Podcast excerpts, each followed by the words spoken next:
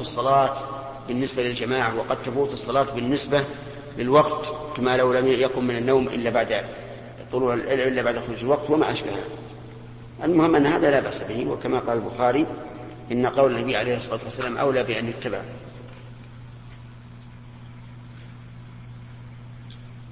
باب لا يسعى إلى الصلاة ولا وهذا هذا الذي يقول آه، كره أن يقول فاتتنا الصلاة على عكس بعض الناس.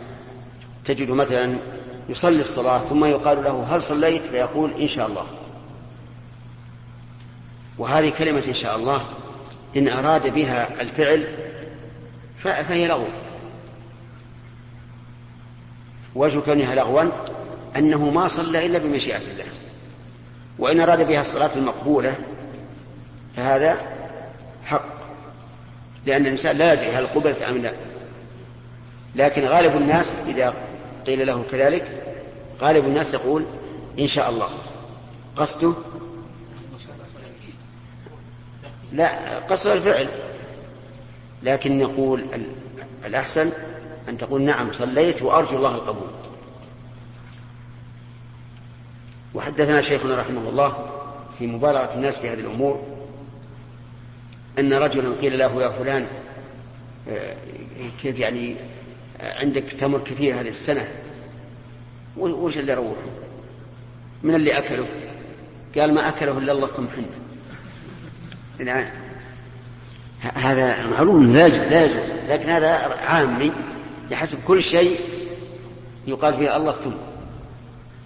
فمثل هذا أيضا كل شيء يقال إن شاء الله. حتى لو قلت الإنسان هل هل, هل توضأت وأنت رأيت متوضئا؟ يقول إن شاء الله. هل عليك غترة؟ إن شاء الله. صحيح هذا لغو. فإذا قال قائل ما الجواب عن قوله صلى الله عليه وعلى آله وسلم في زيارة القبور وإنا إن شاء الله بكم لاحقون؟ مع أنه سيلحق لا شك. فالجواب عن هذا أن بعض أهل العلم قال إن شاء الله وإن إن شاء الله بكم لاحقون يعني على الإيمان. لا لا يريد بذلك الموت لأن الموت لا بد منه لكن معنى الإيمان لاحقون على الإيمان. وبعضهم قال إن إن شاء الله هنا بمعنى أنها بمش... أن لحوقنا بكم بمشيئة الله متى شاء لحقنا بكم والتعليق بالمشيئة على هذا الوجه جائز. ومنه قوله تعالى لتدخلن المسجد الحرام إن شاء الله. لأنه هو الذي سيدخلهم عز وجل. ولكنه قال إن شاء الله أي بمشيئته. نعم.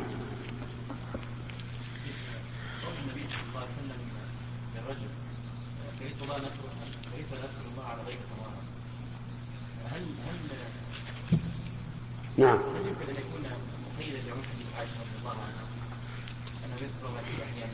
لا ما يمكن. ما يمكن لأن الرسول كثيرا ما يذكر الله سبحانه وتعالى على غير قطع. لكن المراد إن هذا الأفضل فقط. نعم.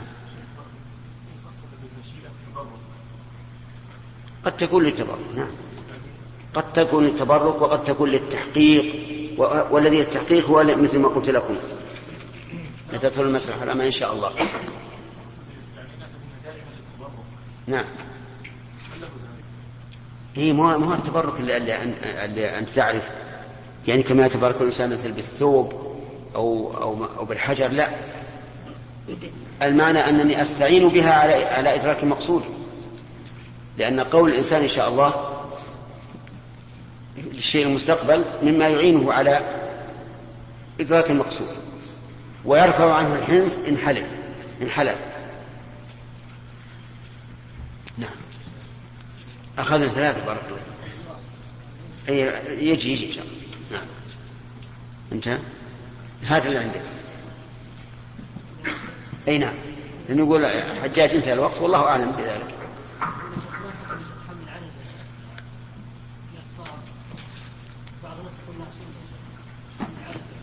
أي نعم. صحيح. هذا استصحابها من أجل الصلاة عليها الصلاة إليها. طيب. أنا أقول طيب. بس هذا هذا اللي أقول. إلى متى؟ بارك الله فيك. أنا أنصح الذين أمامي وأنتم أيضا. طالب العلم هو الذي يحمل الكتاب. ويحمل آه، الدوات. ويحمل القلم. وكان بعض السلف إذا لم يرى مع الطلبة آه، قلما ومحبرة طرده من الحلقة. يقول هذا ليس بطالب علم ولكنه مستمع. إن شاء الله تعالى.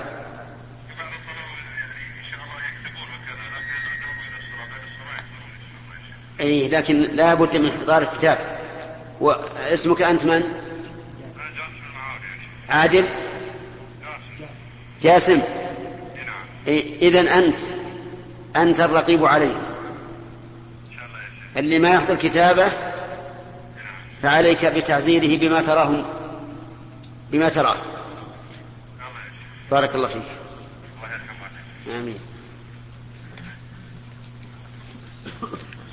الحمد لله رب العالمين وصلى الله وسلم على نبينا محمد وعلى آله وصحبه أجمعين. قال البخاري رحمه الله تعالى باب لا يسعى إلى الصلاة وليأتي بالسكينة والوقار. وقال ما أدركتم فصلوا وما فاتكم فأتموا. وقاله أبو قتادة عن النبي صلى الله عليه وسلم. عندنا قال أبو قتادة ما بهواه؟ في هواه يا شيخ. الظاهر اللي عندنا أصح وهي نسخة اللي عندك نسخة. لكن بدون واو أوجه. أحسن. لا بس اكتب نسخة. ما هي عندكم اكتب نسخة. حدثنا آدم قال حدثنا بسم الله الرحمن الرحيم. قال المؤلف باب لا يسعى إلى الصلاة.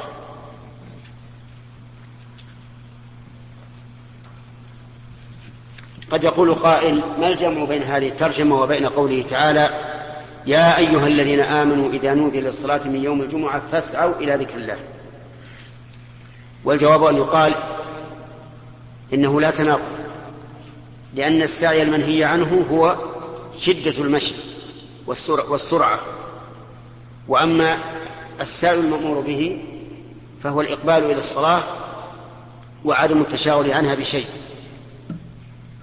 ومعلوم أنه إذا انفكت الجهة فإنه لا يكون هناك تناقض. وقول بالسكينة والوقار. السكينة في القلب والوقار في الجوارح. يعني بأن يكون الإنسان وقورا وأن يكون ساكنا مطمئنا. قال الله تعالى هو الذي أنزل السكينة في قلوب المؤمنين. ومعلوم أن قال إلى سكن وخشع سكنت الجوارح. نعم. حدثنا آدم قال حدثنا ابن أبي ذئب قال حدثنا الزهري عن سعيد بن المسيب عن أبي هريرة عن النبي صلى الله عليه وسلم وعن الزهري عن أبي سلمة عن أبي هريرة عن النبي صلى الله عليه وسلم أنه قال إذا سمعتم الإقامة فامشوا إلى الصلاة وعليكم بالسكينة والوقار ولا تسرعوا فما أدركتم فصلوا وما فاتكم فأتموا. إذا سمعتم الإقامة يعني إقامة الصلاة وهذا يدل على أن الإقامة تسمع من خارج المسجد لأنه يخاطب من لم يكونوا في المسجد. وقوله لا تسرعوا أمر بالسكينة والوقار ونهى عن الإسراع وهذا كالتفسير لقوله عليكم بالسكينة والوقار. ثم قال ما أدركتم فصلوا وما فاتكم فأتموا. ما أدركتم منين؟ من الصلاة. فصلوا وما فاتكم فأتموا.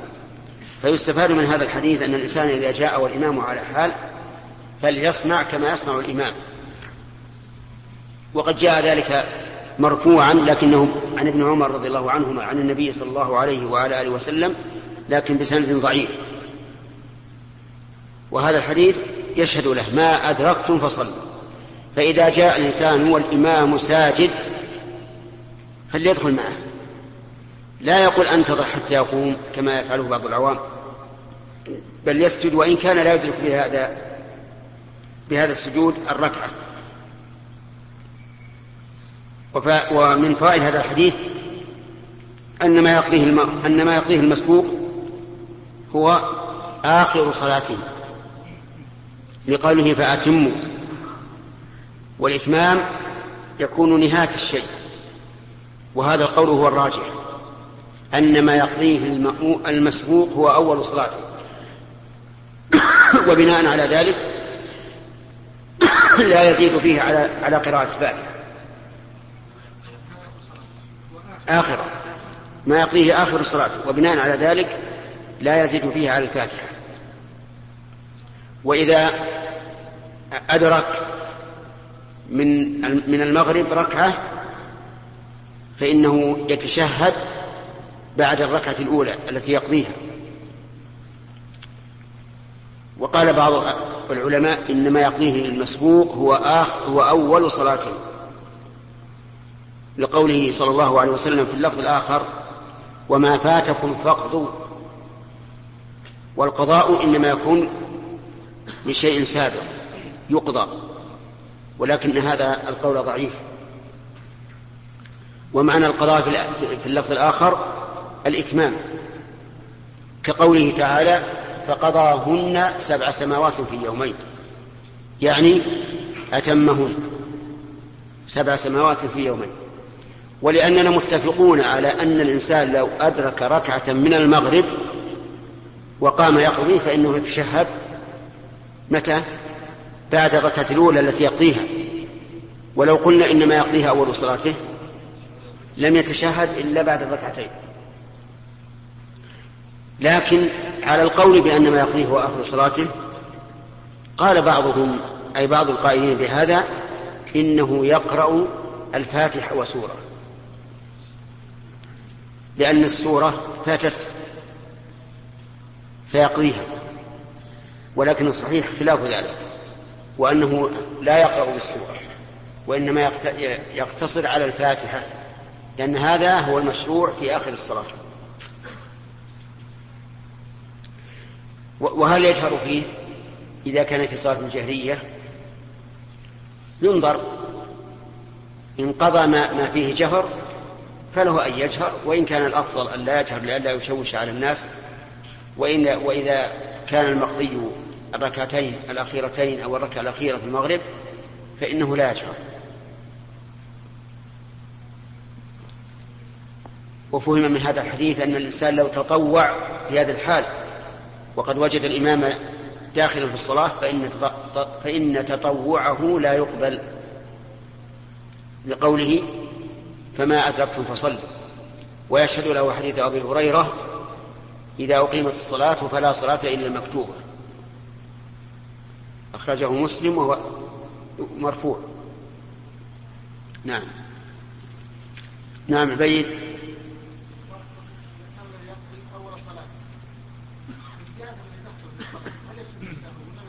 كيف الزيادة؟ إيش؟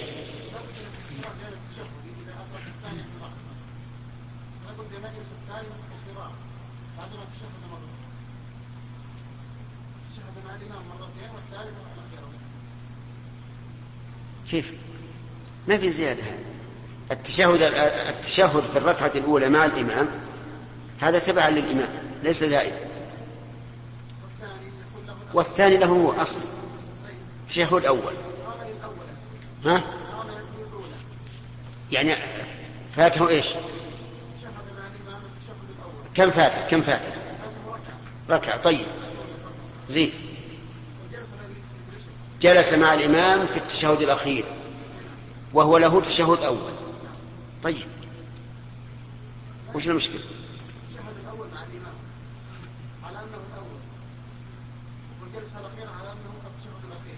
التشهد الأخير في حق الإمام وهو في حق التشهد الأول كيف؟ نعم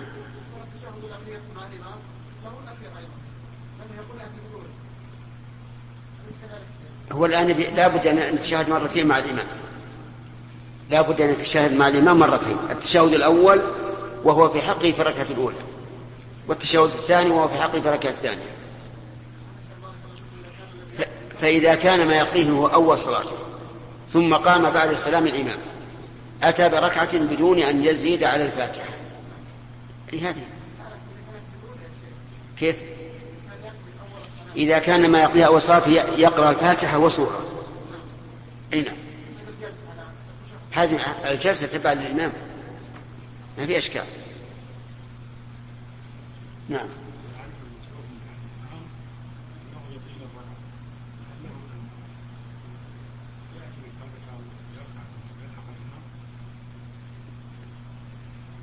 يعني إذا دخل معه إذا دخل معه وراكع وراكع لا. لا لا يقرأ الفاتحة السنة أن يتابعه. نعم.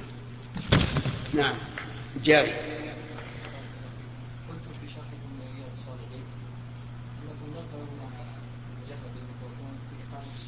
إيش؟ قلتم في شرحكم لرياض الصالحين نعم. انكم لا ترون أن يجهر بالميكروفون في إقامة الصلاة حتى يسمع من بالخارج لا لا ما قلنا. لا أذكر أني قلت قلنا إنه لا بأس أن يشعر بالإقامة لأن الحديث يدل على أنها تسمع من خارج. إلا إذا كان يخشى أن الجهر في ذلك فيه مفسدة. فلا يجهر. لكن الغالب إنه ليس فيه مفسدة. المفسدة الحقيقية هي في أن يقع أن يكون الصلاة كلها في الميكروفون نعم باب متى يقوم الناس إذا رأوا الإمام عند الإقامة. حدثنا مسلم بن إبراهيم قال حدثنا هشام قال كتب إلي يحيى عن عبد الله بن أبي قتادة عن أبيه قال قال رسول الله صلى الله عليه وسلم إذا أقيمت الصلاة فلا تقوموا حتى تروني. قول عليه الصلاة والسلام إذا أقيمت الصلاة فلا تقوموا حتى تروني. يستفاد منه أن أن بلالا قد يقيم الصلاة وهو لم يرى النبي صلى الله عليه وعلى آله وسلم لكن يدري أنه حضر إما بحركة الباب إن خرج من الباب وإما بنحنحة وإما بوقت وقته له لكن المأموم لا يقوم حتى يرى الإمام. وذلك لأن لأن المقيم قد يقيم ثم في أثناء الإقامة يحصل للإمام عذر فيرجع. فلهذا قال لا تقوموا حتى ترون فإن قال قائل إذا إذا قاموا عند رؤيته فهذا فيه قيام للرجل عند قدومه وقد كان النبي صلى الله عليه وعلى آله وسلم يكره ذلك. فالجواب أن يقال هذا ليس قياما للإمام ولكنه قيام للصلاة ولا حجة فيه. لمن قال إن المأمومين في هذه الحال يقومون تعظيما للإمام لا هم يقومون تعظيما لله عز وجل.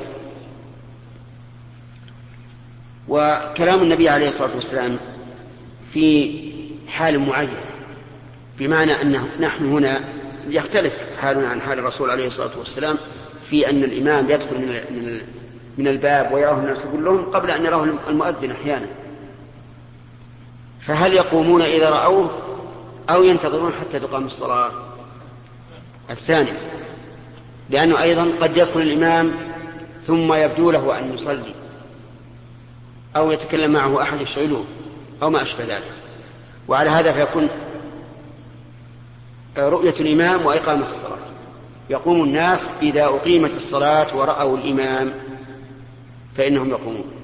أما لو أقيمت بدون رؤية فلينتظروا حتى يأتي الإمام ويروه ولو رأوه بدون إقامة فلينتظروا حتى تقام الصلاة. نعم.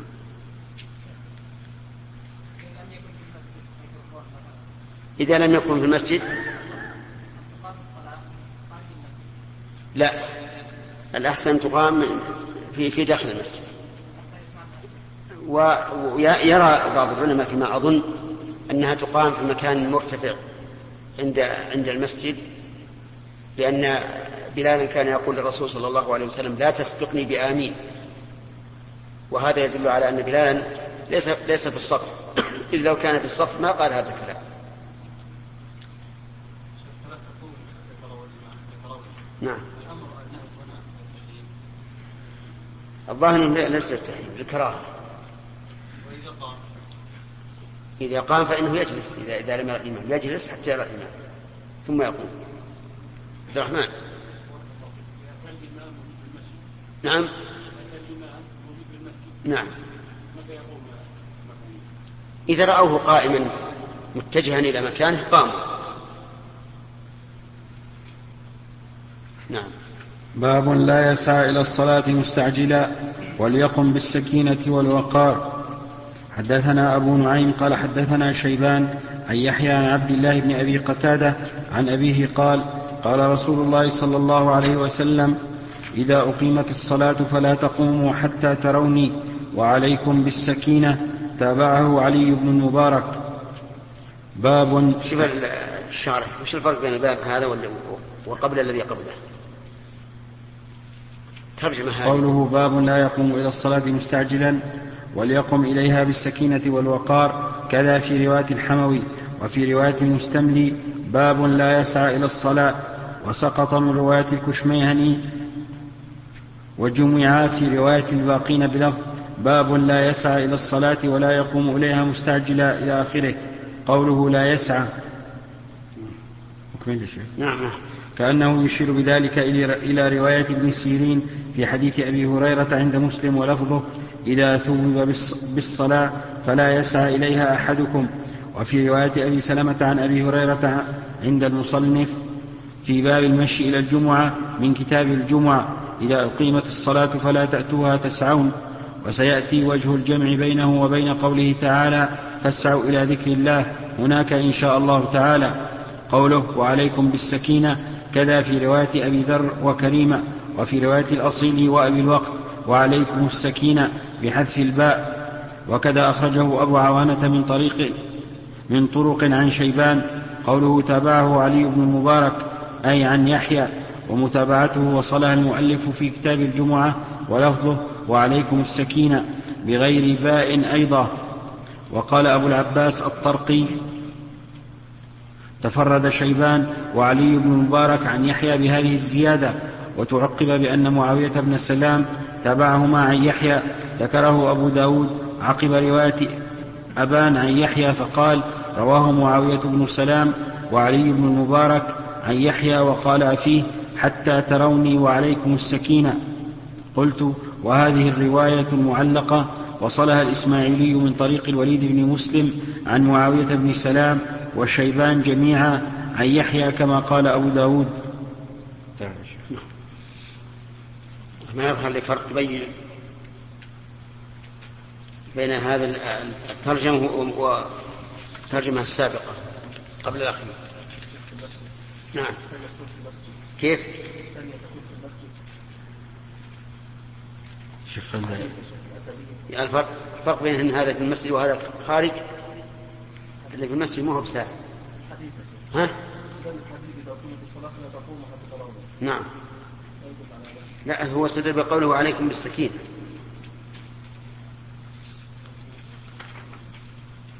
في الباب الأول ما ذكر شيء. ذكر يا شيخ أنها سقطت. قال سقطت هذه في قوله باب لا يسعى إلى الصلاة.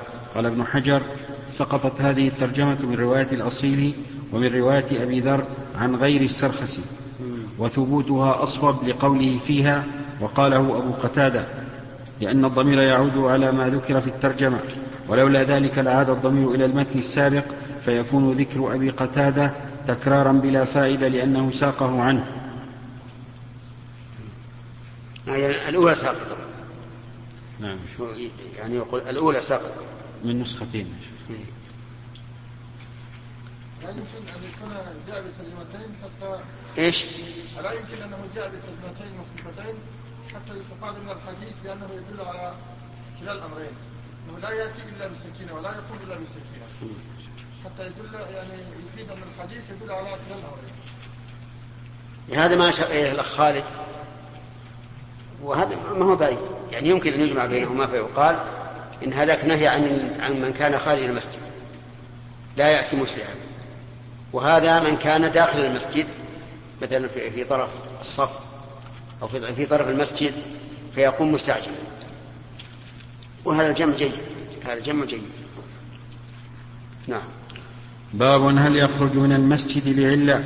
حدثنا عبد العزيز بن عبد الله قال حدثنا إبراهيم قال حدثنا إبراهيم بن سعد عن صالح بن كيسان عن ابن شهاب عن أبي سلمة عن أبي هريرة أن رسول الله صلى الله عليه وسلم خرج وقد أقيمت الصلاة وعدلت الصفوف حتى إذا قام في مصلاه انتظرنا أن يكبر. انصرف. قال على مكانكم. فمكثنا على هيئتنا حتى خرج إلينا ينطف رأسه ينطف رأسه ماء وقد اغتسل. في هذا الحديث فوائد.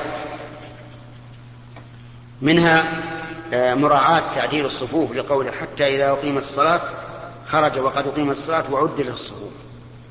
وأن تعديل الصفوف أمر مهم عنده وهو كذلك. حتى كان الرسول عليه الصلاة والسلام أحيانا يمر بالصف من أوله إلى آخره يمسح مناكبهم وصدورهم ويقول لا تختلفوا فتختلف قلوبكم. ولما كثر الناس في عهد عمر وعثمان رضي الله عنهما جعلا رجالا يقومون بتسوية الصفوف.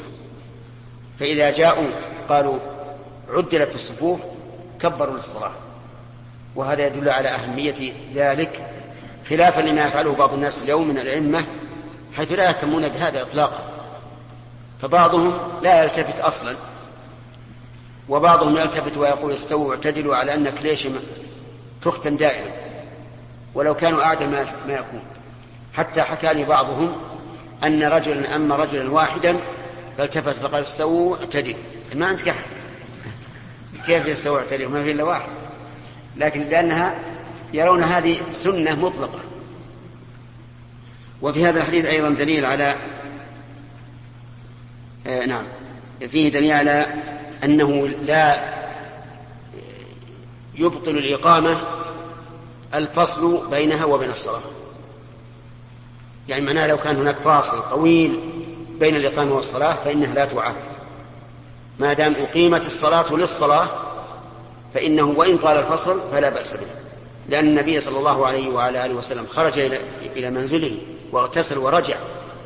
وتعرفون أن الاغتسال في ذلك الوقت ليس كاغتسال الآن. نحن الآن ليس علينا إلا أن نفتح الصنبور ثم يصب علينا ونطلب خمس دقائق. لكن هناك يهيأ الماء والماء في إناء ويحتاج إلى اغتراف فسيكون أطول زمنا. فالفصل بين بين الإقامة والصلاة ولو طال لا يضر. يعني لا تعاد الإقامة مرة ثانية. وفيه دليل على جواز النسيان على رسول الله صلى الله عليه وعلى آله وسلم. لأنه نسي أن يغتسل. فعاد إلى منزله واغتسل. وفيه دليل على تحريم الدخول في الصلاة بعد العلم بأن بأن بأنك على حدث. يعني يحرم عليك أن تدخل الصلاة بعد العلم بأنك على حدث. وكما يحرم الدخول يحرم الاستمرار أيضا. فلو تذكر الإنسان وهو يصلي أنه على حدث وجب عليه أن ينصرف من صلاته. ولكن ماذا يفعل إذا انصرف في أثناء الصلاة؟ يقول لبعض المأمومين الذين وراءه يا فلان أتم بهم الصلاة. وهذا أحسن. أو ينصرف ويقول يتم كل واحد لنفسه. وهذا لا لا بأس به. لا سيما إذا كان قد أتى بركعة لأنهم إذا أتى بركعة فقد أدركوا صلاة الجماعة. ولا يحل له أن أن يستمر في صلاته. لأن بعض الناس نسأل الله العافية يأخذه الحياء من الناس فيستمر دون أن يستحي أن يستحي من الله. ولكن كيف يتحيل على أن ينصرف بدون أن يتكلم الناس فيه يضع يده على أنفه عند الانصراف.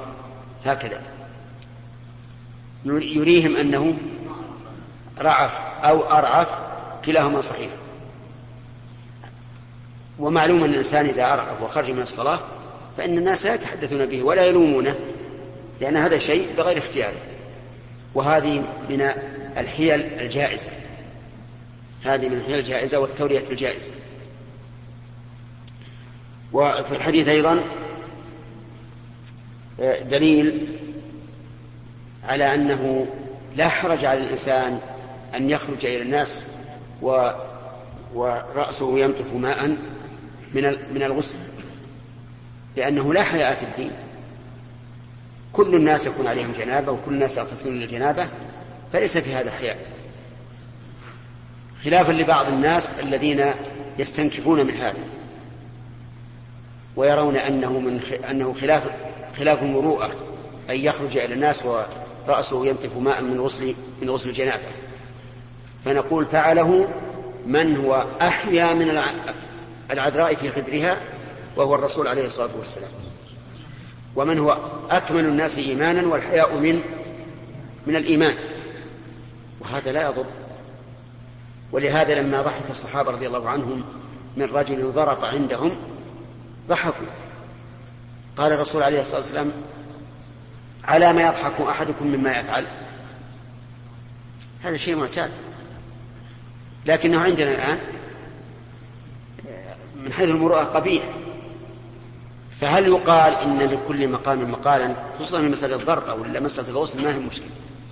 لكن مسألة الضرطة يعني لو أن أحد من الناس ضرط في مجلس عام ولا سيما إذا كان المجلس فيه شرفاء القوم ووجهاؤهم يرون هذا منافيا للمروءة تماما.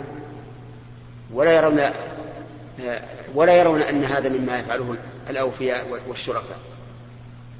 فالظاهر لي أنه في مثل هذه الحال أنه إذا اعتاد الناس هذا فلا يلامون ولا يقال هذا غلط.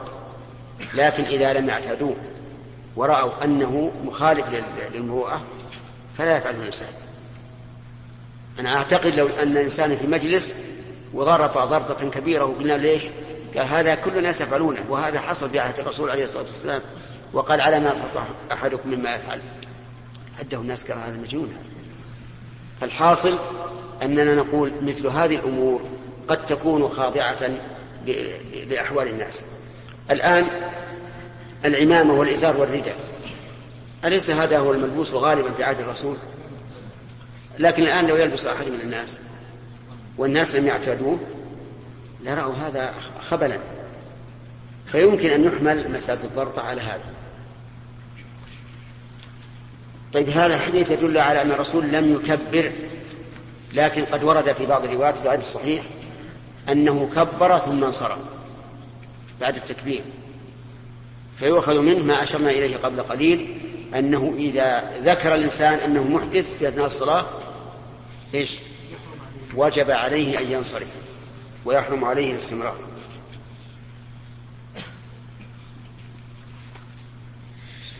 نعم. لو لو رؤي الإمام وعليه أثر النجاسة أو عليه شيء من أعضاء الوضوء لم لم يمسه الماء يعني هل يجب على من رآه أن يخبره وهو الآن في الصلاة؟ نعم. آه، آه، إذا رأى أحد الإمام وفي ثوبه نجاسة لا يعفى عنه. وجب عليه أن يذكره. وكذلك أيضا آه، لو أنه رأى لمعة في قدمه لم يصبها الماء أو أنه تيقن أنه أكل لحم إبل ولم يتوضأ نسي فصلى فيجب عليه أن يذكره. لعموم قول الرسول عليه الصلاة والسلام فإذا نسيت فذكروني. وهذا كما يكون في الركعات في زيادة الركعة أو النقص منها كذلك يكون في في بقية شروط الصلاة فهمت؟ نعم لو لم يذكره هذا الذي رآه هل نقول صلاته باطلة؟ هو معه مأمومه إيه؟ لا بد أن يذكره لكن كيف يفعل وهو يصلي كيف يفعل حتى لو قرأ وثيابك فطهر قد لا قد لا يفهم الإمام لو قرأ قول الله تعالى يا أيها الذين آمنوا إذا قمتم من الصلاة فاصلوا وجوهكم وأيديكم. يمكن ما يفهم الإمام. فهل يتكلم؟ فتبطل صلاته. أو ماذا يفعل؟ جاء سؤال في هذا قبل كم ليلة وقلنا يتقدم إلى الإمام. نعم. ويبين له. لكن الذي جاءني قبل كم ليلة في ترك السجدة فالظاهر أن هذا مثله يتقدم إلى الإمام و يعني يدفعه بيده حتى ينصرف. نعم. نعم. حتى لا يختلفوا بعد تعديل الصفوف لأنهم لو, لو, لو اختلفوا صار يحتاج إلى تعديل صفوف أخرى. ولعل الرسول عليه الصلاة والسلام أراد أيضا أن يكتب لهم أجر, أجر الصلاة كأنهم الآن في, في صلاة. نعم.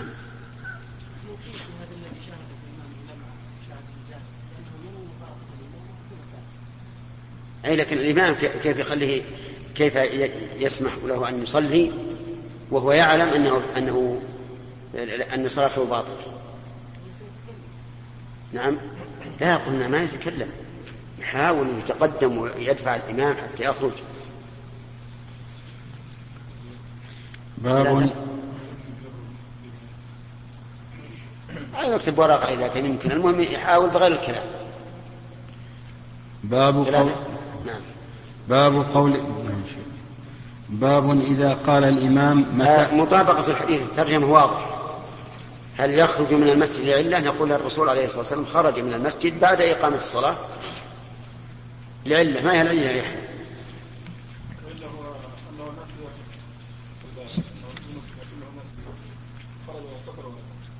العلة أنه خرج ليغتسل طيب. نعم. باب إذا قال الإمام مكانكم حتى رجع انتظروه.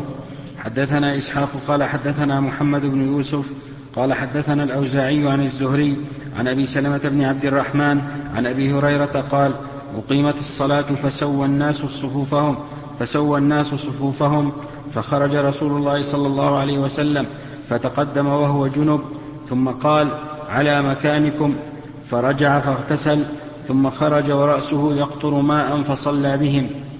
اللهم صل وسلم هذا فيه بعض الاختلاف عن عما سبق لكن اختلاف لفظي لا يضر. قوله فتقدم وهو جنب ليس في الأول. الأول أنه قام في مصلاه فلا وانتظر أن يكبر فانصرف فاغتسل. وفيه أيضا أنه خرج وقد أقيمت الصلاة وعدت الصفوف وهنا يقول قال أقيمت الصفوف فسوى الناس صفوفهم فخرج. رسول الله صلى الله عليه وسلم. واختلاف لفظي لا يضر. ما عندك فيه روايات أنه كبر ثم يمكن في اللفظ الأول؟ قوله قال في اللفظ الأول قال ابن حجر قوله حتى إذا قام في مصلاه زاد مسلم من طريق يونس عن الزهري قبل أن يكبر فانصرف. وقد تقدم في باب إذا ذكر في المسجد إذا ذكر في المسجد أنه جنب من أبواب الغسل من وجه آخر عن يونس بلفظ فلما قام في مصلاه ذكر ففيه دليل على أنه انصرف قبل أن يدخل في الصلاة وهو معارض لما رواه أبو داود وابن حبان عن أبي بكرة أن النبي صلى الله عليه وسلم دخل في صلاة الفجر فكبر ثم, ثم أومأ إليهم ولمالك من طريق عطاء بن يسار مرسلا أنه صلى الله عليه وسلم كبر في صلاة من الصلوات ثم أشار بيده أن امكثوا ويمكن الجمع بينهما بحمل قوله كبر على أراد أن يكبر أو بأنهما واقعتان. أبداه عياض والقرطبي احتمالا. وقال النووي إنه الأظهر. وجزم به ابن حبان كعادته فإن فإن ثبت وإلا فما في الصحيح أصح. ودعوى ابن بطال أن الشافعي احتج بحديث عطاء على جواز تكبير المأموم قبل تكبير الإمام. قال فناقض. قال فناقض أصله فاحتج بالمرسل متعقبة بأن الشافعي لا ير بأن الشافعي لا يرد المراسيل مطلقا بل يحتج منها بما يعتضد. والأمر هنا كذلك لحديث أبي بكرة الذي ذكرناه. قوله انتظرنا. على كل حال إذا صحت رواية أبي داود ومن معه فالظاهر والله أعلم أنهما واقعتان. وإن لم تصح فما في الصحيح ما في شك. أولى أنه لم يكبر. وفي صحيح مسلم التصريح بأنه لم يكبر. نعم. عبيد الله. وهو. فلا تقوم.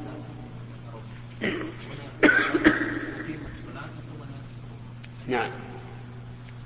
لكن هل بأنهم لم يروه لأنه قال حتى إذا قام في مصلاه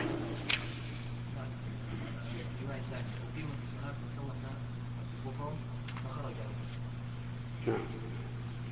هذا الفعل ليس للترتيب ترتيب ذكري. الأولى ما تشبه حتى إذا قام في مصلى خرج وقد قيمت الصلاة وعد الصفوف حتى إذا قام في مصلى باب ثلاثة؟ نعم. عبد الوهاب إذا قيمت الصلاة وتقدم الباب يا شيخ فهل له إذا رأى مصلحة يذكر أو يعرف أو مثلا مسألة يعلم يعلمها اي نعم نعم نعم. ولو أطال يا شيخ. ولو أطال. فقد ثبت عن النبي عليه الصلاة والسلام أنه حين أقيمت الصلاة جاءه رجل في حاجة فجعل يكلمه. أظنه قال حتى أن بعض الناس بعض الصحابة أخذوا النعاس. نعم.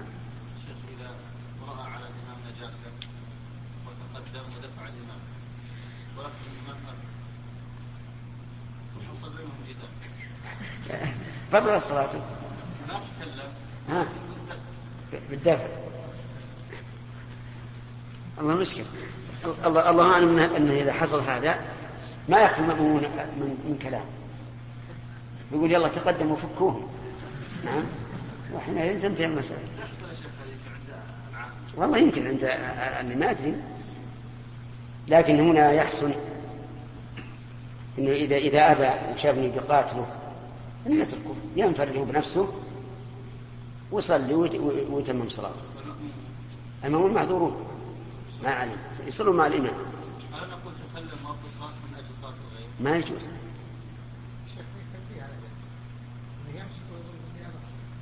إذا صار إذا صار ما خارج. إذا صار نجاسة ممكن يريه النجاسة. لكن إذا كان ما في نجاسة لكن حدث يعني ما ما أتم الوضوء. هو فيه طرق. يمكن مثل ما قال الأخ موسى قبل قليل يمكن يكتب له ورقة. لكن يصير ما يقرأ. أو بالليل ولا عندهم إضاءة. على كل حال إذا إذا تعذر التنبيه فإنه يصلي. هذا ينوي الانفراد ويتم صلاته. ثم إذا انتهى من صلاته إذا كان أسرع من إمام هذا يقول للمأمومين إن إمامكم على على حد إلا إذا كان يخشى من من فتنة لأن بعض البادية مثلا قد يكون في فتنة عظيمة. فيسكت وإذا إذا انتهى. المأمومون معذورون. وهو ينبه تنبيه عادي.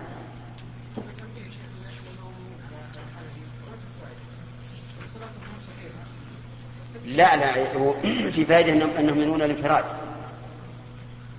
لكن ربما بعد عام دون المأمومين. يقول إمامنا أوكد منك. وش اللي مدخلك أنت؟ مشاكل. نعم. ثلاثة. حتى أذن بعد. أذن الآن. الكلام اللي فيه الصورة. ها؟ لا لا ما يحتاج أهل البحرين؟ يفهمون يعني. نعم. نعم. السلام عليكم ورحمة الله وبركاته. السلام ورحمة الله وبركاته. الآن إن شاء الله يبدأ الدرس يا أهل البحرين يلا يا شيخ. بسم الله الرحمن الرحيم.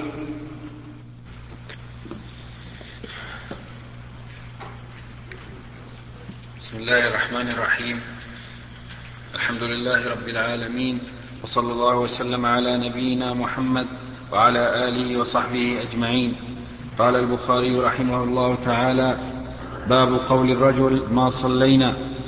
حدثنا أبو نعيم قال حدثنا شيبان عن يحيى قال سمعت أبا سلمة يقول أخبرنا جابر بن عبد الله أن النبي صلى الله عليه وسلم جاءه عمر بن الخطاب يوم الخندق فقال يا رسول الله والله ما كدت أن أصلي حتى كادت الشمس تغرب وذلك بعدما أفطر الصائم. فقال النبي صلى الله عليه وسلم والله ما صليتها.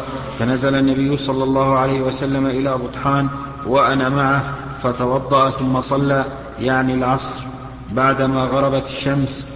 ثم صلى بعدها المغرب. بسم الله الرحمن الرحيم. هذا الحديث فيه دليل على جواز ما ترجم به المؤلف رحمه الله وهو قول الإنسان ما صليت. ويحمل على الصلاة الحاضرة وليس المعنى ما صلينا أبدا. والمعنى أننا لم نفعل الصلاة وليس معناه أننا لسنا من المصلين. وقد قال النبي صلى الله عليه وعلى آله وسلم وهو يرتجز والله لو الله ما اهتدينا ولا تصدقنا ولا صلينا. وقوله وفيه أيضا من الفوائد أنه يجب الترتيب